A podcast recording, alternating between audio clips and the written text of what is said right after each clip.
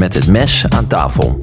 De chirurgische podcast waar we een blik achter de schermen werpen bij de top van ons vakgebied. Welkom bij Met het mes aan tafel. De chirurgische podcast met Tony Ruis, Lars Brouwers en Victor Alberts. Vandaag hebben we als gast professor Michel Jacobs en zullen we het hebben over aortachirurgie. Michel Jacobs is vaatchirurg in het Maastricht Universitair Medisch Centrum en de Universiteitsklinicum in Aken. Hij was afdelingshoofd van de afdeling chirurgie in Maastricht voor een lange tijd en huidig afdelingshoofd van de vaatchirurgie. Bovendien is hij de directeur van het Hart- en Vaatcentrum in Maastricht. Hij studeerde in 1982 af aan de toenmalige Universiteit van Limburg en na zijn opleidingstijd eh, in Maastricht was hij in 1988 twee jaar lang vaatfellow aan de Texas Heart Institute in Houston onder de wereldberoemde Denton Coley. Na tien jaar Amsterdam, waar hij hoogleraar werd, verhuisde hij in 2000 naar Maastricht. In 2005 werd hij ook nog eens benoemd tot hoogleraar in Aken en hoofd van de afdeling vaatchirurgie aldaar. Sinds 24 jaar organiseert hij jaarlijks de European Vascular Course. Hij heeft meegeschreven aan 295 publicaties, 54 boekhoofdstukken en was promotor van 16 promovendi. Zijn belangrijkste wapenfeit is de behandeling van complexe aandoeningen van de gehele aorta. In die rol heeft hij vele internationale samenwerkingsverbanden en is hij de co-directeur van aortacentra in verschillende steden zoals Hamburg, Bern, Lissabon en Londen. Beste professor Jacobs, Michel, welkom. Uh, ja, niet veel collega's kunnen zeggen dat ze zijn geboren in Bagdad. Ja, het is toch echt zo gebeurd. Um, en je wilt weten waarom en hoe dat gekomen is? Nou, ja, mijn... als je wat over je achtergrond, uh, achtergrond kan vertellen, ja. Ja, mijn ouders, beide Nederlanders, uh, zijn um, destijds naar uh, Irak uh, verhuisd voor een groot project dat mijn vader daar ging leiden als ingenieur. het bouwen van een stuwdam en een irrigatiesysteem, et cetera. Dat was destijds een fantastisch mooi land. en Bagdad een prachtige stad. Ik heb het nooit zeg maar in mijn herinnering mogen meemaken, omdat ik op driejarige leeftijd, nadat ik daar geboren ben, weer terug ben gekomen naar Europa. Dus, en kunt u meer vertellen over dus waar u dan bent opgegroeid, maar meer ook waar u bent opgeleid?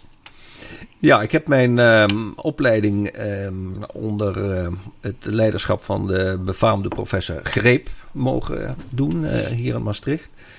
Dat was een uh, fantastische tijd.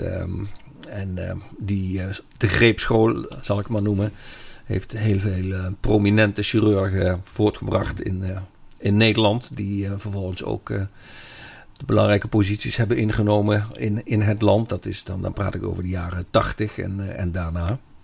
En wat, wat, leerde hij specifiek? Waar was hij bijzonder in? Hij was uh, bijzonder in uh, zeg maar, um, het coachen, het uh, enthousiasmeren, het, het teambeelden. Het was één groot sociale happening.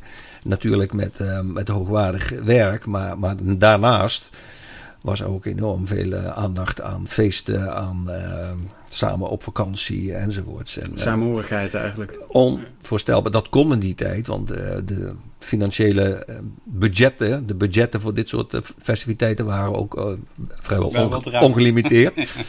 Maar het kwam echt voor dat wij dan weer op een zaterdagavond ergens in een kasteel een feest hadden. En wij uh, elkaar, uh, de assistenten in opleiding, elkaar vroegen van... wat is eigenlijk de aanleiding vanavond voor het feest?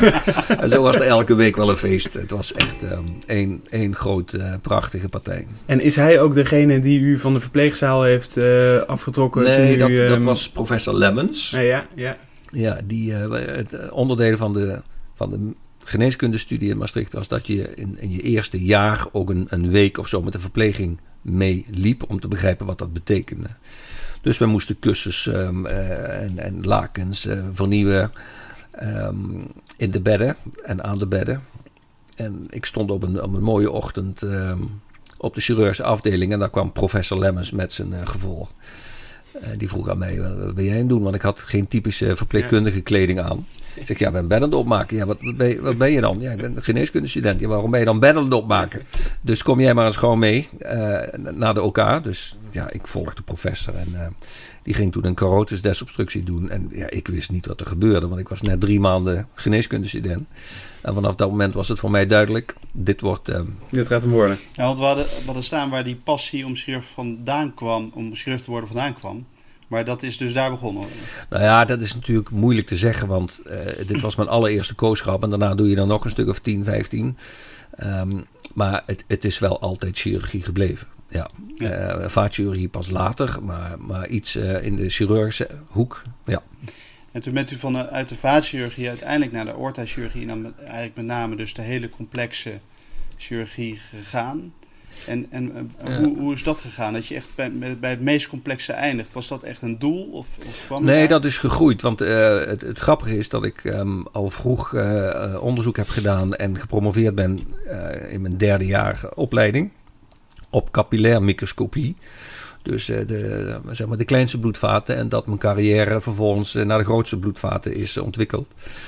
Nee, waar, waarom is dat uh, zo verlopen? Nou, ik, ik, was gefascineerd door aortachirurgie en ik, ik, ik had gehoord van aortaboog en thoracoabdominale complexe aortachirurgie. Endo had nog nooit iemand aan gedacht. Um, en ik wilde absoluut na mijn opleiding in het beste centrum van de wereld um, zien wat dat betekende, die complexe aortachirurgie. Houston. En, en dat was destijds Houston, dat was het Mecca, dat was de grootste kliniek in de wereld. En, uh, en daar heb ik uh, de mazzel gehad om daar een fellowship uh, te bemachtigen. En dus daar ben ik ook naar verhuisd. En, en, ja, dat is eigenlijk wel een van de mooiste fases van mijn opleiding geweest. En wat, wat deed u daar dan in Houston? Nou, dat was mijn baas, mijn opleider heette Cooley. Maar ik was ook een echte coolie. Want wij als assistenten waren 24 assistenten, fellows. Die... Um, S ochtends om zeven uur uh, uh, verdeeld over negen OK's begonnen. En het eindigde als het werk klaar was. En of dat nou vier uur s middags was of middernacht. En dat zeven, zes dagen per week. daar draaiden ze dus negen kamers met ongeveer vijftig open hartoperaties per dag. Dus dat was een ongelofelijke leerschool. Want het ging van de ene naar de volgende, naar de volgende, naar de volgende, naar de volgende. Dus wat ik daar in die twee jaar tijd um, chirurgisch technisch heb geleerd, ja, daar zou je hier twintig jaar uh, in Nederland over doen. Ja, dat kan ik me wel voorstellen. En, en waar was die Denton uh, Cooley of Coley? Ja. Uh, waar was hij bijzonder in? Nou, Denton Cooley. Um, was een cardiovasculair chirurg. In Amerika is het dan nog steeds cardiovasculair. En, en zijn collega was uh, Michael DeBakey. Ja, die was iets ouder dan Cooley. Die hebben samen vele jaren gewerkt. Um, die hebben die hele aortachirurgie ontwikkeld. In de aortaboog, in de thorax. Uh, um, maar waren met name actief op cardiochirurgisch gebied. En Cooley heeft de eerste harttransplantatie in Amerika gedaan. Terwijl dat eigenlijk door de Becky had moeten gebeuren. Maar dat heeft hij gedaan toen de Becky op congres was. En de Becky ergens op een terrasje aan zijn uh, koffietje in de krant las dat de eerste harttransplantatie was gebeurd. En sinds die dag zijn dat, daarna, niet? zijn dat de grootste vijanden geworden. Ja. Zijn ze ook uit elkaar gegaan en hebben hun, eigen, hun eigen praktijken opgebouwd. En um, nou, ik geloof dat de Becky tot zijn 94ste of nog langer heeft doorgewerkt. Totdat hij een acute type A aortedissectie ja, ontwikkelde. Hoe ironisch. Ja. ja. hoe kan het zijn? En, en ja, Cooley dacht, ja, als hij, als hij tot zijn 94 doorwerkt, dan kan ik dat ook. Dat heeft hij ook gedaan. En hij is een jaar of drie geleden overleden. Maar Cooley was voor mij echt een, een ja, dat was een, een, een 1,95 meter lange man. Uh, super basketballer, uh, goede golfer. Um, en ik ben een golf addict, dus ik, ik, ik heb vaker met, met hem uh, de golfbaan mogen, mogen bezoeken. Super tijd. En was, uh, vroeger was een BTA, wat dan werd gezegd, was dat heel belangrijk. Wat vindt u daar tegenwoordig van? Moeten mensen nog steeds naar Amerika gaan om daar beter te worden? Nee, niet per se. Um, kijk, wat in Amerika het grote voordeel is, is het volume. Um, dus het aantal patiënten dat je op jouw specifieke interessegebied zou kunnen opereren of behandelen is vele malen groter dan bij ons. De indicatiestelling is wel een heel ander verhaal. Wij, wij volgen toch redelijk strikt richtlijnen. Uh, wij volgen strikt onze, onze protocollen, onze afspraken. Um, dat is in een money-driven healthcare system natuurlijk een heel ander verhaal. En in de tijd dat ik in Houston was, ja, waren de interventiecardiologen natuurlijk al heel actief met een katheter richting de coronairvaten, maar toch eventjes 15 centimeter omhoog schoven om te zien of de carotis een, een vuiltje had. En daar, daar ging voor het minst geringste dingetje ging daar al een ballonnetje op. Um, en dan deden ze het cardiale deel. En dan op de weg terug naar de lies kwamen ze toch een aorta tegen met een zijtakje naar de mesenterica of een niarterie of een iliacaalvat. En dan eindigde die patiënt met vijf stents uh, die nergens voor nodig waren. En een iets andere rekening. En ja, en dan was natuurlijk de kassa die rinkelde. Ja, ja. Maar het is, het is geen BTA in die zin dat je er per se geweest moet zijn. Maar het is nou eenmaal zo dat er veel uh, op, op kankergebied is. MD Anderson in Houston is natuurlijk ook een leading center. En als je uh, in, in New York uh, te gast wil zijn en, en daar een fellowship kunt krijgen voor een jaar of twee jaar. ja, dat, dat zijn natuurlijk fantastische ontwikkelingen. Het is ook voor je horizonverbreding zo'n belangrijke ontwikkeling. en dat je niet in, in, je eigen ziekenhuisje of in, in je eigen provincie blijft zitten, maar dat je eens een keer de wereld bekijkt. Je zou het nog steeds mensen aanraden. Oh, absoluut. Ja. absoluut. Misschien nog heel even voor de jongere luisteraar inderdaad. Maar BTA staat dus inderdaad voor Been to America. Ja. ja. Um, het, in mijn tijd, ja, nou, nou klink ik als een dinosaurus, maar dat, dat ben ik ook bijna. Uh, ja, weet je, ik heb nog nooit in mijn leven gesolliciteerd. Want met zo'n, met zo'n diploma of met zo'n uh, aantekening uh, op zak was je overal welkom. Dus, um, dus u gaat het eigenlijk nog steeds aan voor de jongere jaars? Ja, maar dan niet per se in, eh, in Amerika. Nou, nou zijn daar natuurlijk wel heel veel goede plekken, maar dat kan ook in de UK zijn, dat kan ook uh, elders in de wereld zijn. Maar wel op een gerenommeerde plek, bij gerenommeerde uh, ja, chirurgen die uh, een, een, programma hebben waar wij jaloers op zijn. Ja. waar je gaat leren, um, buiten het feit dat je natuurlijk... Um, sociaal daar een enorme bagage weer kunt opdoen. En uh, terugkomt na een paar jaar uh, met een wat breder horizon dan, dan de gemiddelde. Dan de Nederlandse richtlijn. Van de huidige markt toch een goede tip, denk ik. Ja, zeker. Um, wij gaan door, denk ik, naar het hoofdthema. We gaan het natuurlijk hebben over aortachirurgie. Um, idee is om nog even wat abdominaal te beginnen, om, om ook nog iets breder te blijven en dan naar uw, ja, uw stokpaardje te gaan, de, de thoracal aorta. Um, maar goed, het abdominaal aneurysma, wat voor patiënten krijgen dat? Ja, dat, dat, ja, we, we, maken dan een onderscheid in uh, degeneratieve aneurysmata. Dat zijn mensen die al op leeftijd een degeneratief aneurysma uh, hebben. Dat meestal per toeval ontdekt wordt, want ja, je voelt het niet. Tenzij het um, pijnlijk wordt en dan zit je al tegen een ruptuur aan. Um, het is ook ehm, moeilijk, laten we zeggen, in in grote onderzoeken um, zinvol te laten zijn. In die zin dat je preventief programma erop kunt loslaten. Er zijn landen waar uh, programma's bestaan en mensen boven de 60, 65 uh, standaard een echo krijgen om te zien of ze een aneurysma hebben. Maar de, maar de kosten-bata-analyse is daar nog steeds een groot vraagteken. Um, nou, en dan heb je nog een zeldzame groep. Dat zijn mensen die uh, bindweefselziekte hebben. Maar dat is natuurlijk procentueel een veel kleinere groep. Die ook aneurysma kunnen ontwikkelen. Zoals bijvoorbeeld Marfan. Marfan, Edos ja. Dandos, ja. Louis ja. Dietz. Maar die zitten meer in de aorta ascendens boog, uh, thoraco-abdominaal dan infrarenaal. Dus u, u, zegt eigenlijk, hè, behoudens bij de, de, misschien de patiënten met een uh, bindweefselziekte... is er eigenlijk geen rol voor een screening weggelegd? N nog niet echt, niet overtuigend. Nee. En ze hebben ook geen risicogroepen kunnen identificeren waar je dat dan eerder zou doen? Nou, daar zit natuurlijk wel een erfelijkheidsfactor in. Uh, en met name bij mannen is er wel een, een percentage tussen de, tussen de 11 en de 14 dat een, um, een familiair erfelijk verhaal um, die, dat percentage veroorzaakt. Maar dat, dat, maakt een groot screeningsprogramma nog steeds niet heel echt effectief. Nee, en dus doen we dat ook niet in Nederland. En staat doen, niet op de agenda nee, om te gaan doen. Er is geen richtlijn. Nee. Um, en welke patiënten gaan we dan opereren? Van abdominaal aneurysma? Nou, we hebben nog steeds uh, de afspraak dat we dat boven 55 mm doen. Ja. Of aneurysmata die het afgelopen jaar meer dan een centimeter zijn gegroeid. Dat, dat is min of meer de, de grove eh, scheidslijn. Ehm, het is natuurlijk ook hartstikke belangrijk hoe fit of un unfit een patiënt is, uh, leeftijd, um, hoe die in het leven staat. Uh, kijk, wij gaan niet een 88 of 92-jarige patiënt met een aneurysma van 5,5 centimeter primair een operatie voorstellen. De, zo, de zogenaamde ogentest. Maar dan komen we denk ik zo nog even ja, op terug. Ja, ja. Maar de, uh, in de voorbereiding vroeg ik me nog af, want er is denk ik heel veel veranderd in, in, in 20 of misschien wel 50 jaar orthochirurgie. Dus de, de morbiditeit is naar beneden gaan, mortaliteit is om, omlaag gaan.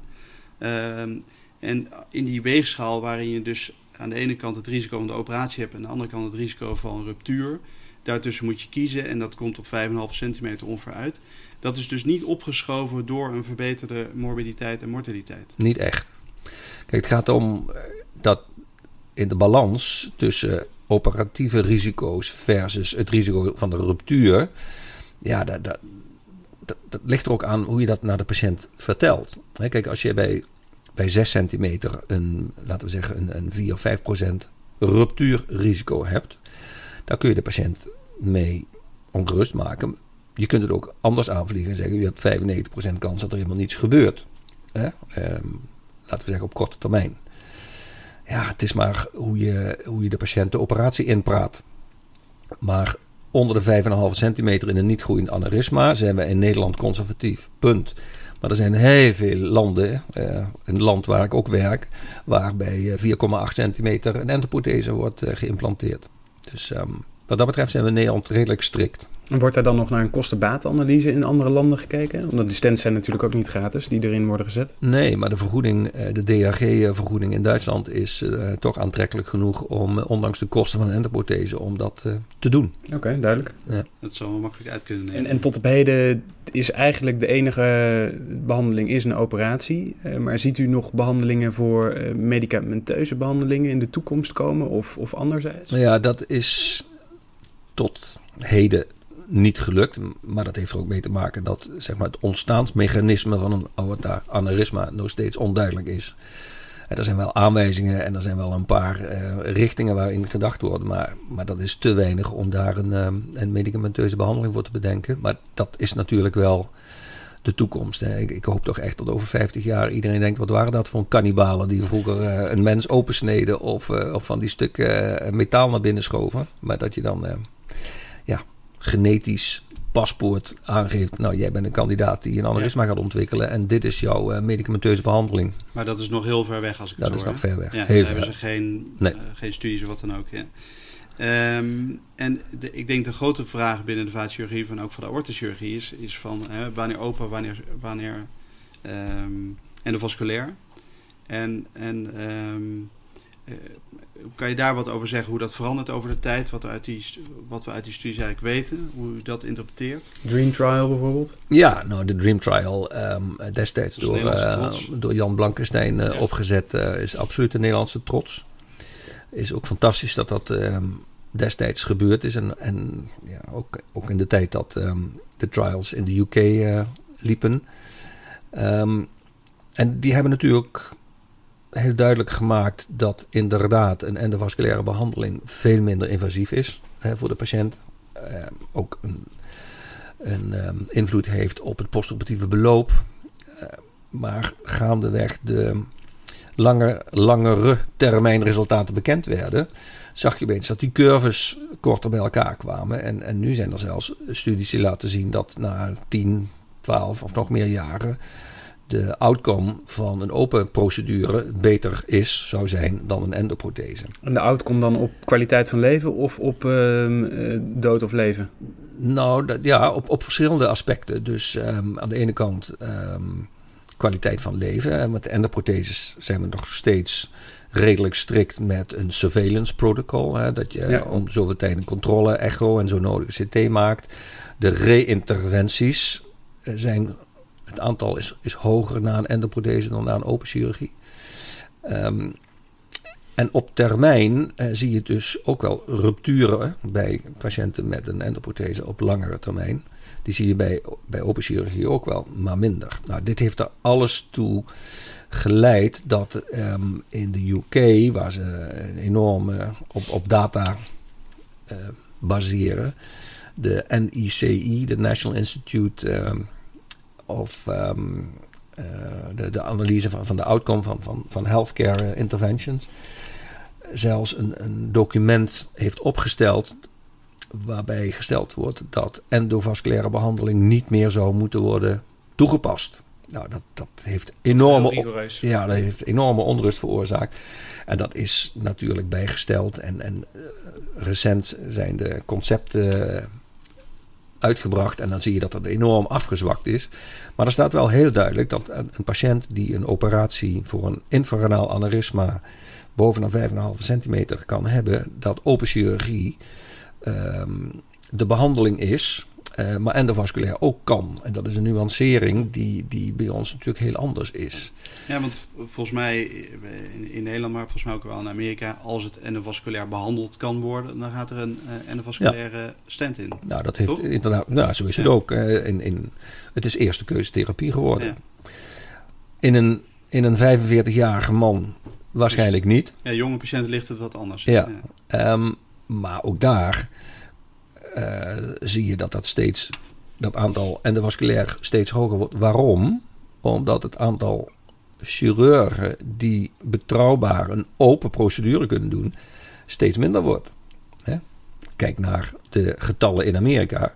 Daar doe je in vijf jaar vaatchirurgische opleiding maximaal twee, drie open procedures.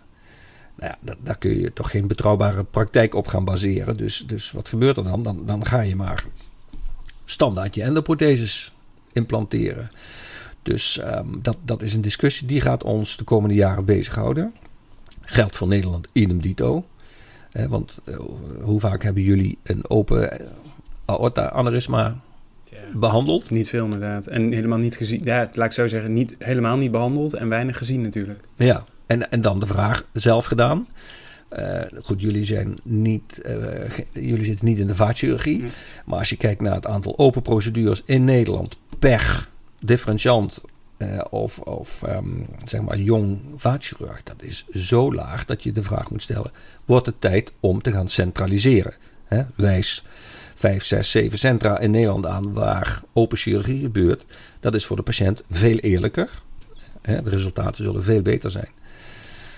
Ja, dan komt de criticus natuurlijk. Oh ja, en dan hoe zit dat dan in het weekend? En hoe zit dat als het acuut is of semi-acuut? Uh, enzovoorts, enzovoorts. Maar we, we moeten naar die discussie toe. Nou ja, als je hem niet voert, dan is, dan is, dan is hij er op een gegeven moment niet meer. Want ja. dan zijn er geen mensen die, die het meer echt kunnen, toch? Dat is ook zo. Uh, Geert Willem Schuring, die, die nu hoofd is van de, van de vaatchirurgie, um, die hier het endovasculaire programma leidt voor de complexe aorta en ik waren samen in Beijing in China, uh, twee jaar geleden. En zaten in de klas met 50 um, assistenten in opleiding uh, chirurgie. En stelden de vraag: wie heeft de afgelopen vijf jaar een open infrarenaal aneurysma gezien, schuine streep behandeld? Er ging geen één hand omhoog. Daar gebeurt 100% bij iedereen een endovasculaire procedure ja, ze hebben het nooit geleerd. Ja, dan ga je het ook nooit doen. Dus uh, dat, dat is een hele bizarre situatie geworden. Ja, helemaal als er, als er wat misgaat, hoe, hoe ga je het oplossen? Ja, jammer. En de vasculair. Dat is jammer. Ja. En als het dan in de, aan de vasculair niet lukt, dan, is het, uh, dan hoort dat bij het verhaal dat je dan overlijdt. Ja, ja. Dat, ik kan dat moeilijk verkroppen, maar... Ja, kan, ik kan me voorstellen. Ik kan maar, het is natuurlijk ook nog een volgende discussie die daar zich op ontspint. Omdat er verschillende ziekenhuizen in Nederland zijn, waarbij eigenlijk meer de, de radioloog bijvoorbeeld een, een EVAR doet. En andere centra meer de, de vaatchirurg. Soms zijn het, uh, soms zijn het ingrepen die ze samen doen. Soms is de vaatchirurg in de lead. Of meestal eigenlijk. Maar dat is misschien ook wel iets voor de toekomst, wat, um, wat een, een, een, toch nog een grijs gebied is. Ja, ja dat is zeker. Ja, ik, ik ben ervan overtuigd dat aorta-aneurysma's behandeld moeten worden door vaatchirurgen. Punt. En niet door cardiologen of, of, of anderen. Um, want dan, dan, is het meer een CT behandelen dan, dan de patiënt. Je, je moet je complicaties kunnen beheersen en, en zo nodig ook uh, behandelen. Ja. Um, ik denk dat we ook een beetje naar, uh, naar boven willen in het lichaam, dus naar de thoracale aorta. Um, wat zijn dan nou grote verschillen met de abdominale aneurysma's? Nou, op de eerste plaats voor de patiënt het chirurgisch trauma. laten we het maar even beperken tot uh, aorta descendens en, en abdominalis en niet over de aorta boog. Want de aorta boog operaties doen we meestal via de sternotomie. Ja. Dat is chirurgisch technisch niet zo'n belasting. Maar een thoracotomie en zeker een thoracolaparotomie is, is al een groot chirurgisch trauma. Dat is één. Twee, um, het, het hoog proximaal afklemmen van de aorta, laten we zeggen ter hoogte van de arteria subclavia, betekent dat ja, driekwart van het lichaam geen bloed meer krijgt en, en dus de patiënt aan de hart-longmachine wordt aangesloten. Ja. Iets dat twintig jaar geleden nog niet gebeurde. Toen was nog het principe clamp and go. En dan uh, de kaars opsteken en hopen dat het goed gaat, bij wijze van spreken. Dat was dus in de tijd dat u het leerde. Toen was het clamp and go. Ja, dat was de clamp and go. En, en de grote man was behalve Cooley en de beekje was Crawford. Um, en dat was clam and go. Dus, uh, snel, snel, hechten. Ja, dat was echt uh, snel hechten en dan klemmen eraf en dan uh, 100 kilo gazen erop en dan hopen dat de stolling de rest zou doen. Nou, dat, ik heb dus ook in Houston geleerd hoe je het niet moet doen. En het was mij duidelijk, ja, weet je, darmen en nieren langer dan een uur ischemie, ja, dat is gewoon slecht nieuws. Dus daar hebben we technieken ontwikkeld met um, extracorporeele circulatie, selectieve orgaanperfusie, et cetera. Maar wat is het grote verschil? Is het chirurgisch trauma, maar, maar ook de complexiteit. De complexiteit van alle organen die afhankelijk zijn van, van, hun, van hun bloed. Of het nou het ruggenmerg is, want dat, dat was ook nog een issue. Ik, ja. zag, ik zag in, uh, in Houston 25, 30 procent van de patiënten parapleeg postoperatief uh, op de IC liggen. Ik denk, uh, dit, dit, dit, ga dat eens even aan de patiënt in jouw uh, informed consent meedelen dat hij 1 op 3 kans heeft dat hij in een rolstoel eindigt. Nou, destijds werd er helemaal geen preoperatief gesprek gehouden. Dat was gewoon, ik doe de operatie en we zien wat eruit komt. Ook wel interessant dat dat was het centrum waar je naartoe moest. Ja. En een derde die werd in een rolstoel weer naar buiten gereden. Ja, een kwart. Ja. Maar, maar ja, zo hoog was dat. Kijk, patiënten overleefden wel, laten we zeggen 80%. En van die 80 was dus uh, een kwart uh, parapleeg. Ja, dat was toch wel uh, de drive om, um, toen ik in Amsterdam begon en uh, waar, waar, helemaal geen centrumfunctie bestond voor, voor deze complexe aortochirurgie, om daarop te gaan focussen. Dus één, op orgaanprotectie, nieren, darmen, extremiteiten. En twee, een manier om dat, um, dat dwarslesiepercentage omlaag te krijgen. En, kunt, u nou kunt u ons in een vogelvlucht nou meenemen met uh, hoe, hoe, een dergelijke operatie werkt? Want u, u, u, maakt alles open, u klemt af. En dan gaat alles op de hartlongmachine? Nou, de, de, kijk, laten we even uitgaan van een, een type 2 thoraco-abdominaal aneurysma. Dat is de meest uitgebreide vorm. Dus dat begint in de distale boog bij de arteria subclavia. En dat loopt door tot aan de iliaca-bifurcatie. Um, nou, het, begint met een torcolapatomie. Dat, daar ben je al, al zeker een uur, anderhalf uur mee bezig. Om, om alles zo vrij te leggen dat je klemplaatsen hebt gecreëerd. Zowel proximaal als in verschillende etappes. Want je gaat dat niet in één keer uitklemmen en in één keer alles openmaken. Dat gaat in stappen. Nou, zodra die klemplaatsen klaar zijn, wordt in de lies de arteria en de vena femoralis vrijgelegd. De patiënt wordt gehepariniseerd, vol gehepariniseerd. Dat is 3 milligram per kilogram, zodat je een ACT hebt uh, van boven de 500, 600 seconden. En dan worden de canules ingebracht. Een arteriële canule, die relatief kort is. En een veneuze canule, die gaat tot in het rechter atrium. En die zuigt dus het bloed uit en uh, via de hartlongmachine femoraal naar binnen. En dan heeft die, uh, dat systeem heeft, uh, vier zijtakken die dadelijk worden ingebracht in de truncus ciliacus, de meest superior en bij de. Ja. Oké? Ja. Nou, voordat we dat allemaal gaan doen, als we aan de hartlongmachine zijn, klemmen we boven met twee klemmen af.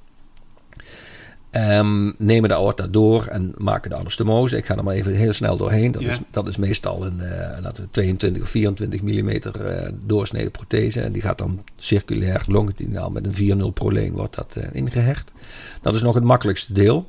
En dan ga je in etappes uh, afklemmen richting um, truncus ciliacus. En we gebruiken daar een techniek om het ruggenmerg te bewaken. Die heet Motor Evoked Potentials. Die hebben dat hebben we in, het AMC in Amsterdam ontwikkeld. Samen met professor Cor Kalkman, anesthesist. Nu hoofd in, in Utrecht geloof ik. Die dat in San Diego had geleerd. Nou, dat is een techniek waarbij elektrodes op de extremiteiten eh, verbonden zijn. En een, een hoog voltagesignaal wordt afgevuurd. En dat wordt dan uitgelezen als een signaal, een, een potentiaal aan de polsspieren, aan, aan de um, halletjes brevis en aan de tibialis anterior. Nou, het hele simpele principe. Als aan de pols, aan de hand, het signaal goed is, maar verdwijnt aan de tibialis anterior, aan het onderbeen, dan zit er een geleidingsstoornis. Nou, dat is, dat is zo betrouwbaar gemaakt dat wij daar als navigatiesysteem eh, gebruik van gemaakt hebben. Dus ik, ik krijg om het minuut de informatie hoe het ruggenmerg functioneert. En als dat bergaf gaat en kritische grenzen bereikt, weet ik, als ik ergens tussen twee klemmen zit, dat die intercostale arterieën die ik dan zie, belangrijk zijn. Dus die worden dan snel gereimplanteerd of een bypass opgezet of whatever. En dan zien we bijna altijd die evoke potentials weer terugkomen. En dan weten we dat de patiënt niet parapleeg zal zijn. Nou, en dan komen we in het viscerale segment, waarbij je dan bijvoorbeeld iliacaal afklemt en dan het, het hele abdominale segment opent. En dan kijk je in de oorsprong van de twee viscerale en de twee niervaten. En daar gaan dan die selectieve perfusiekatheters in. Nou, dat wordt dan allemaal gereconstrueerd of gereimplanteerd of selectieve bypasses erop. En het, mooie van deze aanpak is dat de organen geen ischemiciteit hebben. Want ze krijgen continu eh, via de hartlongmachine selectief hun, hun bloed. En dat varieert tussen de 400 tot 800 milliliter per minuut per orgaan. Nou, en dan uh, ben je 4, 5, 6 uur verder en dan is de reconstructie klaar. En dan uh, hemostase, opwarmen, uh, afbouwen van de hartlongmachine. En dan is het 5 uur s middags. En, en, kunnen dingen nou gecombineerd worden? kunnen mensen tegelijk dingen inhechten? Kan je boven nee. en onderaan samen Nee, dan zit je elkaar in de weg. Ja. Uh, dat is lastig. Geeft ook risico. Dus. Heeft ook risico. Ja.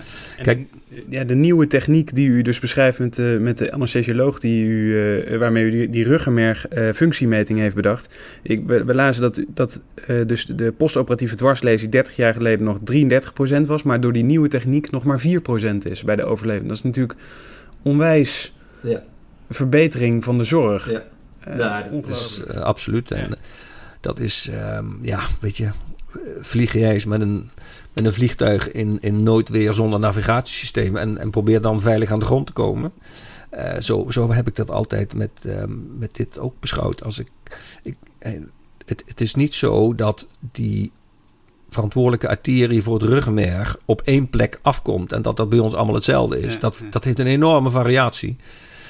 En, en vandaar dat dat navigatiesysteem zo belangrijk was. Van wie, wie is nu wel belangrijk en wie niet? En dat heeft echt geleid tot die dramatische afname van dwarslezing. En hebben ze dat ook in alle centra wereldwijd nu overgenomen? In vele, ja. Dus we hebben in Amsterdam en sinds dat ik hier in Maastricht ben en in Aken heel veel centra op bezoek gehad. Die, uh, die techniek um, zijn komen afkijken en dat in hun eigen huis hebben opgebouwd. En um, ja, de resultaten zijn uh, Ja, ziet vergelijkbaar. Van, van 30 naar 4, dat kan je niet uh, negeren inderdaad. Nee.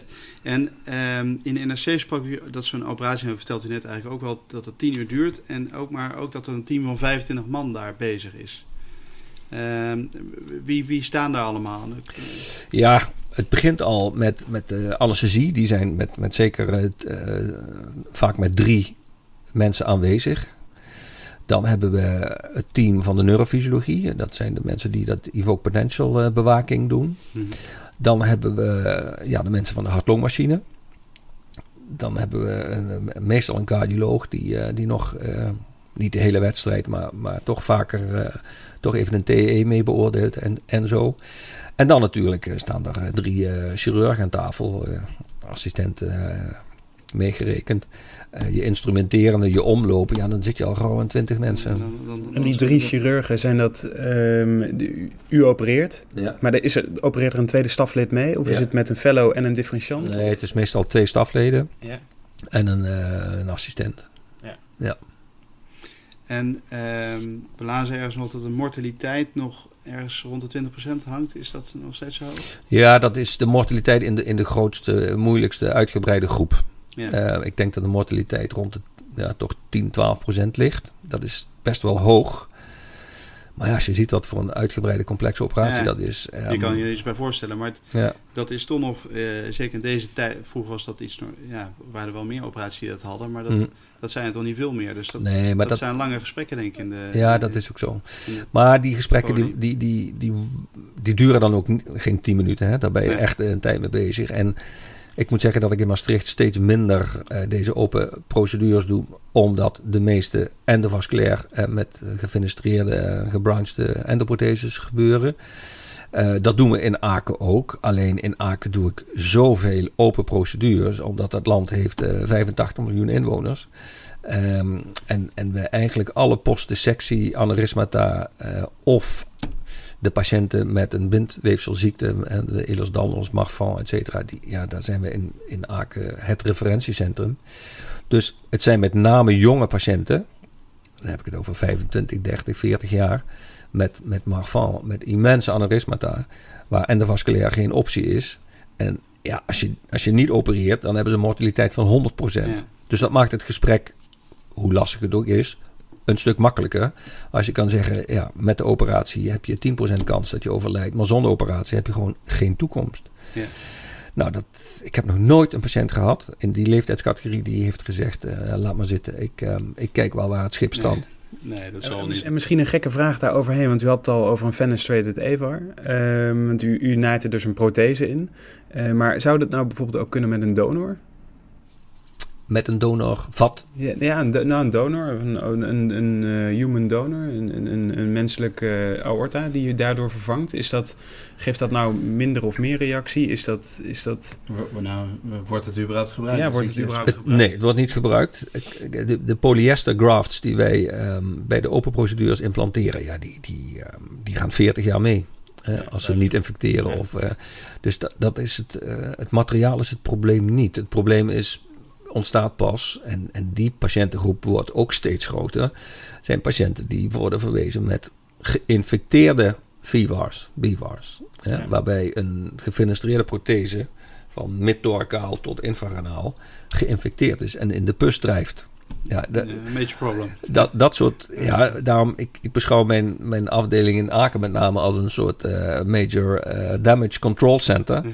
Want dan moet dus die hele endoprothese eruit. En die vervangen we dan met, niet meer met gecriopreserveerde donor-aorta's, waar je op doelt, maar met bovine patches. Dus dat zijn bovine, dus, dus ehm koe pericard Ja. lappen. Die zijn eh, ongeveer 12 bij 12 centimeter. En dan, daar creëren we dan een aorta-buis uit. Dat was vaak twee of drie. Maar die chirurgie, dat is nog een, een maatje groter. En dan heb ik het met name over de patiënten die met een geïnfecteerde endoprothese komen, maar met een aorta-oesophageale fistel. Ja. Of een aorta-bronchiale fistel. kan er ook nog wel overheen? Ja, en daar hebben we de afgelopen maand weer drie patiënten van gedaan in Aken. Dat zijn dan relatief jonge mensen, die hebben een endoprothese gekregen. Die is op een of andere manier geërodeerd door de aortawand. Nou ja, de, de plakt er tegenaan en de fistel is in wording. Nou, dat, eh, dat groeit lekker en dat, eh, totdat de eerste eh, hematemesis zich voordoet. En dan CT-scan, bang, mediastinum vol met lucht. Scopie, fistel, geïnfecteerde endoprothese. En dan wordt die patiënt in een helikopter geschoven. Kan En, zeggen, dan moet je vrij snel ook wel doen. en dan wordt hij naar Aken gevlogen en dan kunnen we weer aan de slag. Ja. Nou ja, dat, dat soort chirurgie, waar de, de resultaten natuurlijk helemaal niet goed zijn. Eh, ik denk dat de mortaliteit daar 50% is. Maar ja, je doet het toch. Het zijn vaak jonge mensen. Betekent één, esofagusresectie. Twee, een volledige aortavervanging. Drie, een, weer- een, een eh, reconstructie eh, maag of colon of whatever. Dus die mensen liggen negen maanden in het ziekenhuis. Ja. Nou, en, en, en, en 15 uur plus op de operatietafel. Ja. Ja. En, zijn dat dan bijvoorbeeld ook eh, patiënten die we natuurlijk regelmatig in Brabant hebben gezien met Q-koorts? Nou, we hebben eh, patiënten gehad, eh, echt indrukwekkend, hebben we ook gepubliceerd, die een, eh, een, een CT van, van wat voor reden dan ook hadden en een redelijk normale aorta hadden. En, en zes weken later met Q-koorts een, een volledig ehm, kapotte aorta met aneurysmata en eh, afschuwelijk. Dus Nee. dat ehm, is indrukwekkend. En, en, en nou goed, u, u bent de, de open man, maar en we hebben het al een beetje gehad over het overgaan naar endovasculair. In, in hoeverre is dat, ehm, In hoeverre is uw gebied veranderd in de, in de, in de afgelopen 25 jaar? Ja, uh, ongelooflijk. Uh, in, in mijn AMC-tijd, dus dan heb ik het over uh, de jaren 90, was ons aortenprogramma 100% open. Ja. Um, mid 90 jaar zijn de endoprotheses infraranaal hebben zich op de markt gemeld. En, en eind 90 jaren begonnen we met de TVARS, de thoracale endoprotheses. Daar hebben we ook de eerste in het AMC gedaan. Ja, niet veel later kwamen de zijtakjes erbij, et cetera. Als ik nu kijk, 20 jaar later, dan is de praktijk um, 80% endovasculair voor de complexe thoraco-abdominale aorta's en uh, misschien 10, 20% nog open. Dus het is dramatisch veranderd. Ja, dus eigenlijk ook uh, is het eigenlijk ja. helemaal anders. Ja. En, en, en zijn het dan met name de, de bindweefselziekten die dan daar, daar niet door behandeld kunnen worden? Ja, de patiënten die overblijven voor open chirurgie zijn inderdaad de bindweefsel, jonge patiënten. Ja. Dat zijn de post-dissectiepatiënten waar het lastig of moeilijk of niet mogelijk is om dat endovasculair op te lossen. En de derde groep is de damage control. Hè, daar ja, waar, ja. waar, waar endovasculair um, niet gelukt is of, of infectie of fistel of whatever. Ja. En uh, misschien een beetje gek vraag, maar wat kost nou zo'n ingreep? Wat, uh, waar praten we dan over? Dan hebben we het, ja, dat, dat valt eigenlijk wel mee. Uh, nou ja, dat, alles is relatief, maar zo'n zo complete aortavervanging, dan zit je all in met intensive care en de hart-longmachine en de hele mikmak op 50, 60.000 euro. Oh, dat valt me serieus nog mee. Ja. Ja. Middenklasse auto. Ja, ja maar dat, dat, dat is dus in een non-profit organization model. ik, ik weet dat voor zo'n operatie, als je nu in, de, bij de, in Houston bij de voordeur staat, dan moet je eerst een down payment van een miljoen. Uh, eerder kom je niet binnen. En dan moet het feest nog beginnen. Ja, ja. Dus uh, het is een hele andere situatie. En misschien een beetje out of the box. Maar is nou bijvoorbeeld een vena cava ook te vervangen? We lazen iets over dat met peritoneum. Dat je daar nog iets mee zou kunnen... Nou, een vena cava vervanging. Um, als we het hebben um, uh, in abdominaal gebied. Hè, dat is dan meestal noodzakelijk bij niertumoren. Waar, waar ingroei in de cava heeft plaatsgevonden. Maar dat vervangen we meestal met een geringde, dus een verstevigde uh, PTFE-prothese. Okay. Ja. Dus eigenlijk niet echt met. Uh, um, ja, misschien ook een beetje van het onderwerp af. Maar nou, u maakt. Uh, wij, wij hebben over u gelezen in de NRC en. waar was dan het artikel? Um, HP de tijd? Uh, ook uh, nee, de, de NRC. Ja. Ja, de, oh, met, met Pieter van de Hogeband. Ja, ja, ja. ja, nou, in elk geval. Um, en u, u schrijft erover dat u, dat u in Houston werkweken van 120 uur had. En, hmm. Ik ben ook in Amerika geweest, zoiets was het altijd wel, ja. En is dat in de huidige tijd nog realistisch? Um, want u zegt in de NRC dat u, ja, als u niet zoveel had gewerkt, niet zo ver was gekomen. Maar betekent dat ook dan dat de huidige generatie um, daarmee minder um, ver kan komen? Kunnen we dat zo stellen? Ja, dat, is, dat zou wel heel bout zijn. omdat, uh, zo, nee, maar ja, het, het is natuurlijk heel... Een open deur en heel logisch. Hoe, hoe, vaker en hoe meer je iets doet, hoe, hoe, hoe handiger je erin wordt. Ja. Dus uh, 120 uur is natuurlijk uh, totaal uh, belachelijk. Maar, maar ja, zo was het nou eenmaal. Nee, overigens, dat was in onze assistententijd ook. Hè. Wij deden dan een, om de week weekenddienst. Maar dat weekend begon op vrijdagochtend. En dat eindigde op maandagavond. En, en, en niet naar huis tussendoor of zo. Dus dan kwam je wel aan de 120 uur. In Amerika is overigens uh, weer een nieuwe wet dat die 120 zijn teruggedraaid naar 84. Nou, dat zijn er nog steeds meer dan uh, in Nederland. Maar ik denk dat je met goede, goede programma's, uh, ook met een normale werkweek, um, iemand heel goed kunt opleiden. Ja. Maar de exposure is natuurlijk enorm veel groter geweest hè, met al die uren. Maar ik, ja, ik heb dat nooit zo ervaren als, als, een, als een belasting. Um, en ik ging vaker om 11 uur naar huis in Houston dan om uh, 6 uur. Maar ja, als je dan weer zelf een operatie had mogen doen in, in zo'n centrum, ja, dat, dat geeft dan toch. Dat voelt wel goed. Ja, super. Ja. En, en betekent dat ook dat u ook al protégés uh, aan het klaarstomen bent? Uh, zeg maar in die, in die complexe orthochirurgie, ja. ja, die moed heb ik opgegeven. Oh, dat klinkt deprimerend. Ja. Nou ja, ik, ik ben al, al, al heel veel jaren bezig op zoek naar mensen die, die dat graag willen leren. Um, en op enkele na uh, haken ze gewoon heel snel af. Om, het duurt te lang, uh, het staat te lang, uh, de complicaties managen. De, laat mij toch maar iets wat, wat simpelere chirurgie doen. Dus dit wordt wel. Um, zijn een beetje verwend geworden. Ja, ik, ik, ik werk in een soort Jurassic Park en Ja. ik ben dan de dinosaurus. En als dat ehm, ja, uitgeroeid is, dan ehm, is het eh, waarschijnlijk over en uit. Misschien dus een, eh, een, een mooie kans voor deze podcast voor de luisteraars om zich aan te melden. Ja, Ja. be my guest. Quick for. Ehm, ik denk dat wij eh, doorgaan naar weer een ander onderwerp. Ehm, de, Quick Four, dat zijn een paar vragen die we stellen. Ook om een beetje eh, nou, wat achtergrond van u te horen. Maar ehm, om maar met de eerste vraag te beginnen. Wat is uw grote passie buiten het ziekenhuis? Mijn grote passie eh, is al eh 45 jaar eh, golf. Ja, ik dacht al, we worden Ja. al een beetje. Wat is uw handicap? Eh 4,6. Oh, echt? eh, Oké, dat is eh, single en eh, gewoon echt goed. Ja. en, en wat zou u doen als u geen chirurg was geworden? Dan ehm, was ik in de horeca beland. Kijk, daar komen we zo op terug inderdaad. Heel goed. Want als u zelf op de eerste dag van de opleiding een advies kon geven, wat zou dat zijn? Advies aan wie? Aan uzelf? Eh, wetende dat ik die richting inging? Of Nee, als u, u, u begint met geneeskunde ehm, of u bent- begint met de opleiding chirurgie. En als u nu terugkijkt naar die eerste dag. Wat had u tegen uzelf willen zeggen op dat moment? Om het te sturen.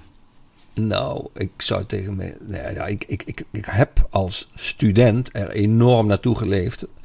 om in de elitaire omgeving van de chirurgische opleiding binnen te mogen komen. En dat was destijds een, een hartstikke lastig proces. Dus die eerste dag dat ik ehm, mocht beginnen, eh, mijn badge kreeg en ehm, mijn, mijn telefoon als assistent in opleiding, ja, was, was mijn wens volbracht. Ja. En dan heb ik tegen mezelf gezegd, en nu, nu gaat het beginnen. Ja. En dat, heeft, ja, dat duurt dan een jaar of eh, tien, hè, voordat je dan eindelijk een mes kan vasthouden. Maar eh, het was echt wel eh, een superstart. Ja. En wat was de belangrijkste verandering binnen de chirurgie binnen uw carrière? Dat is, ja, dat is een beetje flauw en open deur, hè, maar dat is toch eh, de, de maximaal invasieve omzet en minimaal invasief. Ja, Ja. ja we hebben het over gehad. hè. En, en- de vasculaire intrede, dat zal binnen... Ja, u, had bijna niks anders kunnen zeggen binnen de vaatchirurgie. Ja, maar, maar dat geldt ook voor de algemene heelkunde. Ja, absoluut. Daar is ook zoveel minimaal invasief eh, Ja. ontwikkeld. Ja, dat, is- dat is gewoon toch wel het, ehm, de, het kenmerk van de afgelopen twintig jaar. Ja, ja. Tips en tricks. Ehm, nou, voor zover de quick voor. En dan gaan we het hebben over de, eh, nou, de tips en tricks. Eh, soms bespreken we daarin een operatie, maar eh, in uw geval eh, we zouden het ook willen hebben over teamwork en over management. Ehm, want, nou, u vertelde al, hè, tijdens een operatie staat er zo'n 25 man in die operatiekamer. Hoe doet u dat? Hoe, hoe, hoe managt u dat? Hoe begeleidt u dat? Ja, dat is een belangrijke vraag. Want ehm, je gaat met dit soort operaties ook moeilijke tijden door. Ehm, dat, dat, dat scenario A helemaal misloopt en dat je snel moet switchen naar B, C of D. En als je dan geen team hebt, ehm, een hecht team, dat ook eh, als het twaalf uur later wordt, eh, dan gaat dat niet goed. Dan kun je als solist de meest prachtige chirurgische trucjes in huis hebben, maar dan gaat het gewoon niet lukken. En hoe stuurt u dat proces? Ja, dat, dat stuur je door een team te gaan formeren. Dat betekent dat je iedereen erbij gaat betrekken, dat je ook iedereen eh, in haar of zijn functie eh, die het inzicht geeft wat hun importantie eh, en hun bijdrage is in het geheel. Ehm, en dat we ook zonder die persoon niet kunnen. Vervolgens hebben we een, een hele uitgebreide eh, ja, opleiding specifiek over die operaties eh, aan iedereen aangeboden als team. Mhm. We hebben elke keer dezelfde briefing. dat we afspreken, ook al, ook al heb ik het duizend keer gedaan. Wat gaan we morgen doen? Eh, wie doet wat? Ehm, en, en het mooie is, en eigenlijk zou je een keer me- mee moeten komen kijken, is dat ik hoef, ik hoef helemaal niets meer te zeggen. Ik, hoef, ik vraag ook helemaal niks. Het gebeurt gewoon zo vanzelfsprekend en, en soepel. En eh, ja, ik heb ook, ehm, dat heb ik gestart in Amsterdam en, en ver- verder hier voortgezet, het, het THA barbecue. hè? De Torque Abdominale Aorta Dus barbecue. de hele groep komt, De, komt eh, samen. ja. Iedereen Als in een rode polo. In ten- Ja, nou, heb je dat ergens gezien? Ja. Nou, ergens gelezen dat u inderdaad iedereen op het barbecue uitnodigt in de rode Ja. polo. Ja, Maar, dat- het- maar het- het- ik hoor u met name zeggen, je moet echt eh, een team vormen. Hè? Dus Ja. je moet zorgen dat... En is die rol veranderd? eh, hè? Want eh, eh, was het eerder meer top-down en nu bottom-up? Of, of is dat niet zo? Nee, nee. Maar weet je, leiderschap is natuurlijk best wel een, een, een modern issue. Hè? Iedereen wordt naar een leiderschapcursus gestuurd. Nou, ik, ik heb nog nooit gezien dat je van een pandabeer een tijger kunt maken. dus het, ehm, zit, het zit in de mens, zou je zeggen. ja. En ja, ik heb het altijd een, een, een enorme uitdaging gevonden om, om mensen te laten shinen. De- zelfs de, de perfusionist aan de hartloopmachine of, of degene die de neurofysiologische be- bewaking deed. Dat, dat ze de, de, ja, hun, hun belangrijkheid, hun bijdrage, dat ze dat ook beseften. En dat, Inzien, ja. en, en dat dat ook teruggekoppeld werd. Onderdeel van het team. Ja, en daar heb ik altijd toch wel veel waarde aan gehecht. En, Dat ehm, heeft u van uw opleider geleerd. Want dat wa- was een beetje wat u ervan eh, Ja. Wat hij. Kijk, ik heb Greep eigenlijk nooit zien opereren, want die was alleen maar eh, met Ajax bezig. Oh, daar was die eh Goeie jongen. goede jongen. die, die was met de politiek bezig. die smeet de deuren dicht hier bij de universiteit als het allemaal niet snel genoeg ging. En zorgde heel goed voor ons als assistenten. Die zorgde echt voor ons. En die zorgde dat, dat, wij, ja, dat wij konden shinen, noem ik het maar even. Die is ook twee keer naar Houston gekomen. Hè? Ja, dan kom ik dan maar even op en neer om te kijken wat zijn discipel aan het, eh, aan het uitspoken is. Kopje koffie drinken. Ja, nou dat, ja, dat, dat, dat leadership, dat leer je wel op zo'n Ja. manier. En, eh, want u was dus ook het hele lange tijd afdelingshoofd hier. ehm, en u heeft het Hart Vaatcentrum opgezet. Hoe, eh, hoe is die rol anders? Eh, hè, want dan bent u manager. Hoe is dat anders dan op de OK? Of is dat eigenlijk vergelijkbaar? Doet u dat op dezelfde manier? Nee. Ehm, ja, het is natuurlijk, het, het is, eh, ik zeg wel nee, maar het, het, de leadership principes blijven natuurlijk hetzelfde. Ehm, en ik zeg niet dat ik de perfecte leader ben, maar ik, ik wil wel graag mensen eh, de kans geven om, om ja, in hun rol het beste eruit te halen. En ik ben eigenlijk meer de bruggenbouwer en, en degene die ervoor zorgt dat het allemaal een beetje bij elkaar past. Ik moet eerlijk zeggen dat, ehm, dat ik wel vind dat de afgelopen twintig jaar onze administratieve en onze typisch Nederlandse vergadercultuur exorbitante vorm heeft aangenomen. En, en dat ik mezelf erop betrap dat als ik, ehm, ik doe dat twee keer per week, eh, zo'n grote aortoperatie doe, dan, dan voel ik me eigenlijk het best. Dan ben ik weg van al dat Ja. bureaucratische geneuzel. Want daar MDO's. eh, mijn god, wat, wat zijn wij daar wereldkampioenen in geworden. In alles drie keer eh, door eh, consensus heen te slepen en et cetera. Dus ehm, ja, daar moet je wel een goede modus in vinden. En ehm, die balans is, is een beetje zoek. ja. En ehm, hoe kwam u erbij om met Duitsers te gaan samenwerken? Ja, ik, ik kwam eigenlijk nooit in dat Duitse Rijk. Ehm, ik ben Anglo-Saxisch opgevoed. Maar die Duitse eh, universiteit, die ligt hier ehm 20 kilometer vandaan. Ja. En die zaten echt met de hand in het haar. En die vroegen mij of ik in de benoemingscommissie wilde komen van ehm, de vaatchirurgie. Want ze hadden geen nucleaire vaatchirurgie in een klinicum in Aken. Overigens het fysiek het grootste ziekenhuis in Duitsland. Het is een, een soort ehm, kerncentrale als je daar buiten staat. Het is wie, wie dat, wie, wie- eh, wie dat gebouwd heeft. Dat, eh. Nou ja. Ehm, en toen zat ik in de benoemingscommissie en daar, daar volgden 12, 13 kandidaten. Maar dat was voor mij allemaal derde, vierde garnituur. En ik vroeg me af, hoe kan dat nou? Nou, de, de oorzaak was dat vaatchirurgie was een, een, zeg maar een, een stiefkindje onder de hartchirurgie. Zoals in heel veel Duitse ziekenhuizen. Dus nadat ik dat begrepen en geleerd had, heb ik die commissie aangeraden om een zelfstandig vaatchirurgische hoogleraarschap in te richten. Met een zelfstandige afdeling en alles erop en eraan. Oh ja, goed idee, goed idee. Want daarom kwamen die derde, vierde garnituurmensen erop af. Want die- ze moesten allemaal naar de chef van de, van de hartchirurgie luisteren. Ja. Nou, dat hebben ze binnen drie maanden was dat opgelost. Daar heb ik helemaal niets meer. Ik, ik heb ook nooit meer aan Aken gedacht. Totdat ik telefoon kreeg. Herr Jacobs, goedemorgen. Uh, könnten Sie bieten diese Stelle zeg, zijn jullie helemaal gek geworden? Ik, heb hier hartstikke druk met een hartvaatcentrum en een afdeling heelkunde, et cetera. Ja, maar uh, misschien helpen met opzetten. En zeg, nou, goed, lang verhaal kort, dat heb ik gedaan. Heb daar maximale tegenstand gekregen van, van alle medespecialisten. Want uh, die arrogante Hollander die hier eventjes komt regelen dat het een onafhankelijke afdeling moet worden met een eigen W3-professour. Dat is de hoogste professour in Duitsland, alles erop eraan. Ik heb dat um, van scratch opgezet, want het was helemaal niks. Maar dan ook helemaal nul. We hebben daar een aorta-programma neergezet. Um, en ik had beloofd, ook contractueel, dat ik het twee jaar zou doen. En dan zou ik het overdragen. En ik praat nu over 2005. We zijn nu 15 jaar verder. En ik doe het nog steeds. En ik vind het nog steeds leuk. Want ik ben in Duitsland 100% chirurg, dokter. Niks te Geen manager. verraderen, managen, uh, helemaal niks. Ik moet wel aan het eind van het jaar zorgen dat uh, de DRG's en de omzet uh, adequaat is. Maar ja, nu met die, dat is wel een grappige paradox, dat door het endovasculaire um, overmacht, die daar ook in Duitsland plaatsvindt, is door het uitsterven van die andere dinosaurussen, die, die een paar jaar eerder uitgestorven zijn dan ik, is er nog maar één of twee personen die het kan.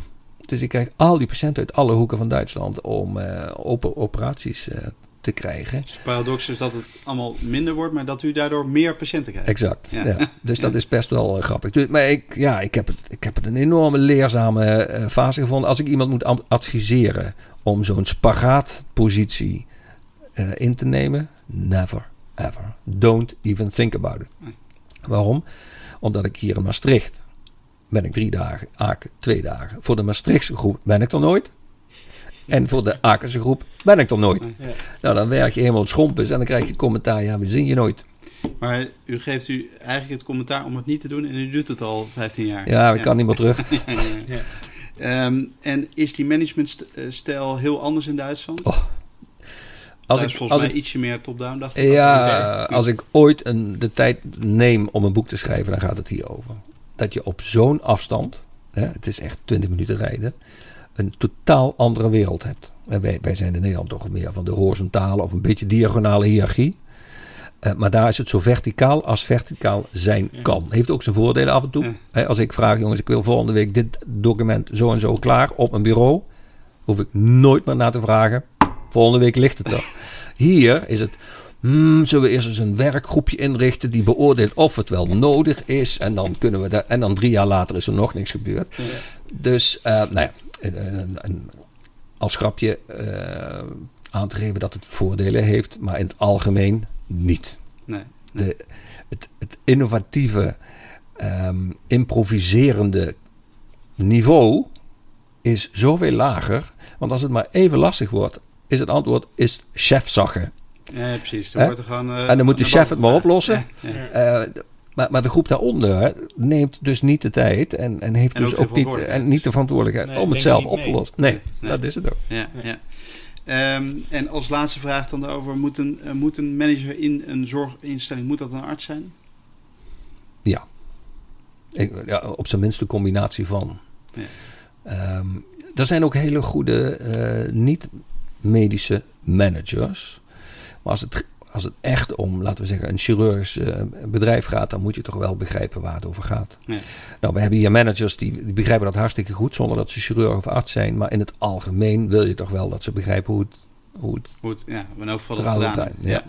Duivelse dilemma's. Um, om maar met eerst te beginnen. Um, een, de behandeling van connective tissue disease, zoals Marfan of Ehlers-Danlos, dat uh, moet nooit endovasculair gebeuren. Of soms wel. Dat is uh, het standpunt dat ik uh, nog steeds hanteer. Nooit. Nooit. Um, komma, maar zo zwart-wit is de wereld natuurlijk niet. Want er zijn ook patiënten die zijn al drie, vier keer geopereerd, hebben een frozen chest of een frozen abdomen of whatever waar je niet voor de vijfde keer uh, in wil met alle mogelijke complicaties van dien. En dan zijn er zeker endo-opties. Dus het, het, het, is altijd een um, individuele af, afweging wat nu het beste is voor de patiënt. Maar vooralsnog, een primaire operatie bij een Marfan-patiënt is open. Ja. En de opleiding kwaadchirurgie over tien jaar, zijn dat chirurg in opleiding of radioloog in opleiding? Dat zijn ehm, radiologische chirurgen in opleiding. Mooi. Ja. Ehm, en als uw conclusie had u dan liever het leven geleid van Pieter van der Hogeband, voor de luisteraars de zoon van uw studie, studiegenoot eh, Kees Rijn, of uw eigen carrière? Dan kies ik toch voor mijn eigen carrière. En de laatste dilemma. Als u opnieuw moest kiezen, de horeca of chirurg? En voor de bekenden in Maastricht, we hebben hier natuurlijk de legendarische horeca als de Falstaff, de Vissenbriek en de Allah. Oké, nou dan ken je meer tenten dan ik. ja. Nee, dan, dan ik, ik heb nooit spijt gehad. Nee. Eh, en sterker nog, ik zou het weer helemaal opnieuw doen. Al, ondanks alle eh, up en downs. Ja, dat, ehm, het is echt wel het mooiste vak. En ik, ik raad dat ook alle assistenten en, en, en bestaande chirurgen nog maar aan. Tel je knopen, want je hebt gewoon het mooiste vak Ja. op de wereld. Ehm, ja, we wouden u eigenlijk nog vragen om, om eh, als laatste om eh, te vertellen wat we niet mogen vergeten van deze podcast. Maar misschien is dat wel de afsluiter. Oké. Tel je knopen. tel je knopen. Of had u nog iets wat we niet mogen vergeten van deze aflevering? Nee, wij zijn in Nederland natuurlijk best wel eh, goed in, in klagen en, en in, in relativeren eh, tegelijkertijd. Maar soms niet trots genoeg op wat we doen. En, en als er nou één vak is dat het mooiste vak op de wereld is, dat komt ook in alle enquêtes naar voren, dan is het gewoon chirurg zijn. Ja. Dus ehm, ja, als je, als je dat bereikt hebt, dan, dan moet je zo ongelooflijk blij en trots op zijn. Dat, eh, daar zou ik wel mee willen afsluiten. Dat lijkt me een goede afsluiter. Mogen we u heel erg bedanken eh, voor, Veel dank. voor deze podcast. Graag gedaan. Dit was Met het Mes aan tafel. Deze podcast wordt mede mogelijk gemaakt door Johnson Johnson. Dank voor het luisteren en tot de volgende uitzending.